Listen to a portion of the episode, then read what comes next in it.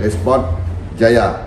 Ayo para atlet esport di seluruh sekolah dan kampus yang ada di Kabupaten Oku Timur, jadilah wakil dari daerah dalam event kejuaraan Piala Bupati kategori Mobile Legend dalam rangka HUT ke-19 Kabupaten Oku Timur.